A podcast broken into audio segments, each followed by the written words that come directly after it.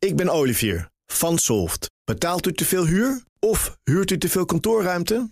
Solft heeft de oplossing. Van werkplekadvies, huuronderhandeling tot de verbouwing. Wij ontzorgen u. Kijk voor al onze diensten op soft.nl.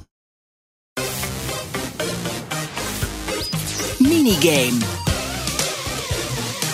En dat doen we ditmaal met een game die we al eens een keer hebben aangestipt. Met ook nu in de studio. Jochem Visser. En u ook. En Daniel Mol. En Joe van Buurik. We gaan het nu over Starfield hebben. Die andere game van het jaar, zal ik maar zeggen. Daniel, of niet? Nee. Nee. Nee? Nee, nee, nee. Nou, nou kijk, goed. Als het is- gaat om avonturen, Ja, rollenspellen. Het, het, is een, het is een vette game. Het is een nieuwe Bethesda RPG in de lijn van Fallout, in de lijn van Skyrim. maar dan Eh, in de ruimte. Precies. eh, je eigen karakter opbouwen. Heel veel quests. Heel veel eh, werelden om te ontdekken.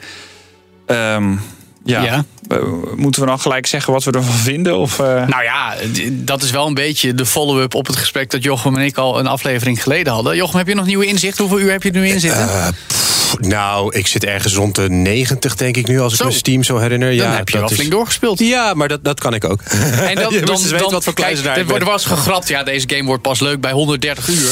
Maar Ja. dan, dan ben je er dus Nou, niet eens. dat- Of is dat- het intussen al wel echt leuk geworden? Eh, ja, ja, zeker wel. Ja, nou, eh, een van de dingen die je met Starfield moet doen... is vooral zeggen wat het wel is en niet wat het niet is. Nou, Want we weten allemaal wel? dat het nu geen No Man's Sky is. En Nee. we weten ook dat het geen Space Sim is. Dat is heel helder. Eh, Ja. Alleen, maar wat is het wel? Want wat het wel wat, wat is, ik, wat ik bijvoorbeeld is- gezien heb, zijn filmpjes met duizenden aardappelen of melkpakken die ergens afvallen. dus de physics zijn blijkbaar heel erg goed. Nou, grafisch is het voor Bethesda inderdaad een van de beste updates die ze ooit hebben gedaan, eh, cadeau hebben gedaan aan zichzelf. Ja. Daar krijg je nog wel steeds de, de, de, wat ik vorige keer dus aanstipte, die- dus de standaard bugs bij. Ja, Kijk, en eentje moet ik even er een noemen. beetje twee generaties uitzien. Ja, maar eentje moet ik even noemen. Je hebt eh, weapon racks. Hè. Daar plaats je wapens en je armors in. Dat kan je in je schip doen nu. Vroeger was het in Oblivion in je huis. Mhm. Eh, toen ging dat al fout. Verdwenen die wapens. Dat gebeurt nog steeds. Oké. Nou ja, dus oftewel, pas daarmee op. Plaats ze daar niet in. Want je bent echt je endgame armor meteen kwijt. U Ben bent niet- gewaarschuwd. Ja.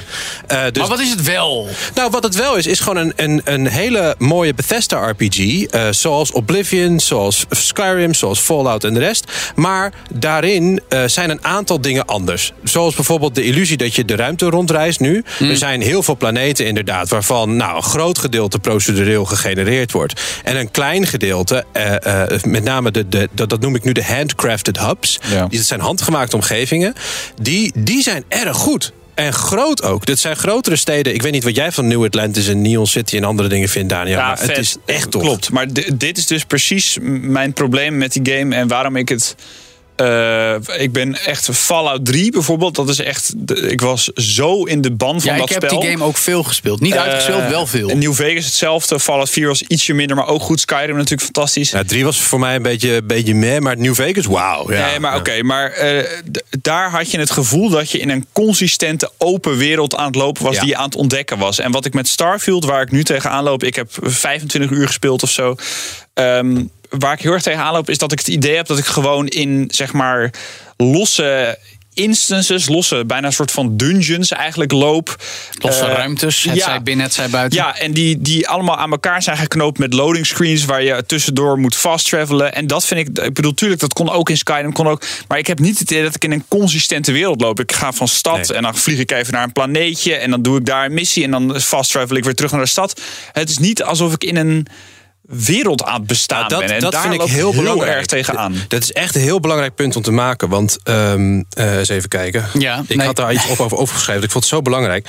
Het is nu namelijk zo, dit is de eerste Bethesda-game die je beloont voor richting de hubs gaan. Dus richting de stad. In Richting, plaats van, nee, ik ga nu even een andere kant op. Snap je wat ik bedoel? En Ja, dat is dus heel raar, want de game belooft normaal. Oh, oh, Bethesda, hè? we gaan naar buiten rondlopen. eh, eh, en dan, dan, dan, dan vinden we in een grot ergens wel weer een leuk avontuurtje. En een quest komen iemand onderweg Ja, tegen. En kom het je is de bedoeling dat je dat in de stad doet. Maar dan gebeurt er vervolgens iets heel raars in die stad. Je krijgt er geen kaart van.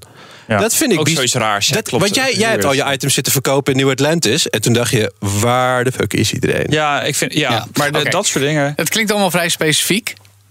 maar zit- is het, het is eigenlijk gewoon een, een mooie, maar heel ontoegankelijke game. Want je moet er heel veel tijd in pompen en Ja, heel wat dingen is- accepteren om de mooie ervaring verhaal, te zien. Maar dat vind ik ook gewoon eigenlijk een zwakte bot. Ja. Eh, in, in Fallout 3, laten we Fallout 3 even als voorbeeld nemen. Je komt die, die volt uit.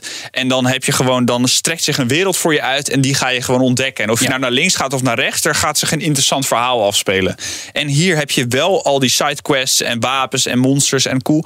Alleen je hebt niet het gevoel, tenminste, ik krijg niet het gevoel of ik in een wereld aan het lopen ben. En dat is eh, gewoon echt een fundamenteel probleem voor mij. Maar dat komt door de structuur van dat je niet zelf van planeet aan planeet reist en een overzicht hebt van nou, ik ben nu op die planeet, Ja, ik dat kan heb hier je allemaal wel. naartoe. Dat heb je wel. Alleen Ja. het zit allemaal zeg maar, met loading screens aan elkaar geknoopt. ja, en ja. het, is werkt niet allemaal, één consistente wereld. Precies, het werkt best Ja, ja. wel stroefjes. En dat is gewoon heel vervelend. Dus Ja. het is eigenlijk een game die door de technologische mogelijkheden die door andere studio's voor andere games wel benut worden. Maar omdat Starfield die niet heeft, daardoor niet zo Het voelt- baanbrekend voelt als hij zou kunnen Het zijn. voelt alsof ze de game te ambitieus hebben opgezet voor de engine waar ze hem in gemaakt hebben. Ja. Dus ze hebben hem in de Fallout 4, de, ja, de Creation, Engine 2 noemen ze het, maar het is eigenlijk Ja. een opgeleukte engine Ja, van en- ruim tien jaar geleden. Ja, en Waardoor de- je dezelfde granaatgooi-animatie hebt trouwens. Ja. Mm. En ik heb helemaal geen moeite met dat de NPC's er een beetje klunky uitzien en zo. Dat vind Ja. ik allemaal prima. Alleen, eh, ik heb gewoon niet het gevoel of ik in een open wereld aan het rondlopen ben. Waarom moeten mensen dit toch spelen? Nou, mensen moeten toch spelen omdat Bethesda RPG's, dat zijn eigenlijk, ehm, die doen twee dingen. Je gaat iets cools worden en je gaat loot vergaren. Dat is het hele idee. De Want- dopamine shots van elke keer wat nieuwe spulletjes oppakken. Ja, alleen dan niet zo, zo blatant als in Assassin's Creed, maar wel gewoon met je eigen keuzes en een verhaal dat jij daar in je eigen hoofd aan koppelt. Hè? Dus jij maakt ergens een huis, jij bent daar en dan ben jij de Mandalorian, of dan ben jij een piraat, of dan ben jij een goed mens die juist piraten neerschiet. Dat kan je allemaal zijn. Ja. Dus dat is heel leuk. En die Bethesda experience, die krijg jij dus wel. Nou, dan horen daar ook die, die faction quests bij. Eh, ik ben eh, bij, de- bij Ryujin Industries ingestapt. Dat is een bedrijf dat zit in een Blade Runner-achtig neon planeet ergens. Ja. Nou, dat is heel cool allemaal. En die dialogen en factions zijn wel leuk. Ja. Ehm, maar ja, zoals alles bij Bethesda zijn alle mechanics in de game een beetje ondermaats als je ze vergelijkt met andere games. En alleen samen werken ze.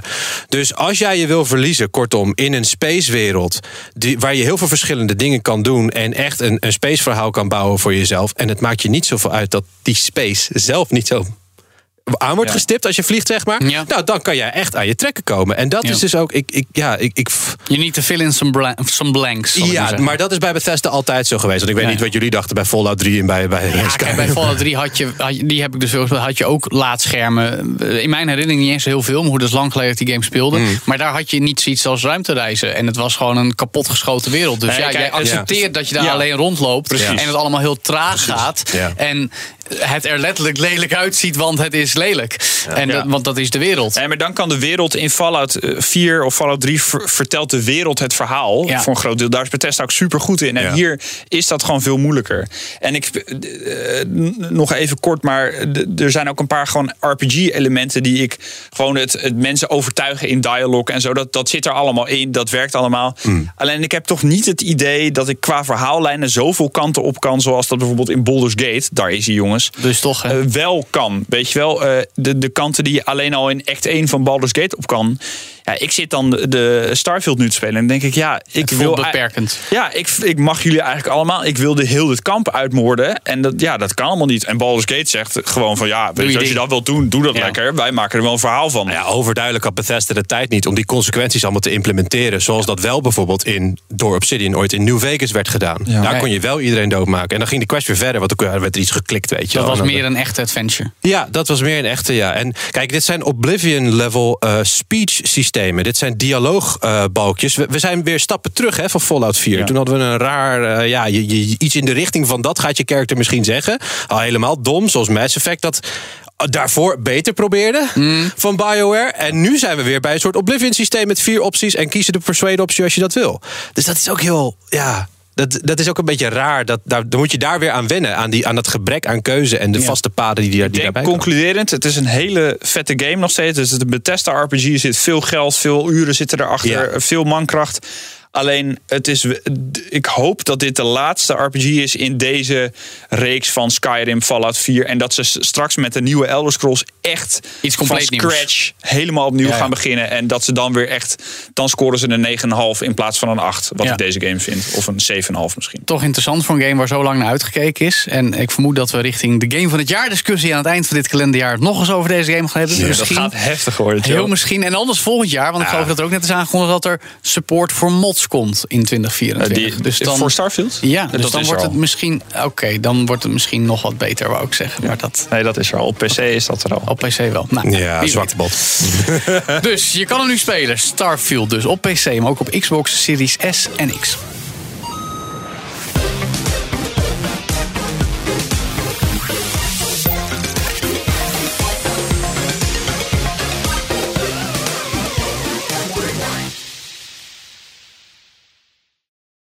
Ik ben Sylvia van Solft. Betaalt u te veel huur of huurt u te veel kantoorruimte? Solft heeft de oplossing. Van werkplekadvies, huuronderhandeling tot een verbouwing, wij ontzorgen u. Kijk voor al onze diensten op soft.nl.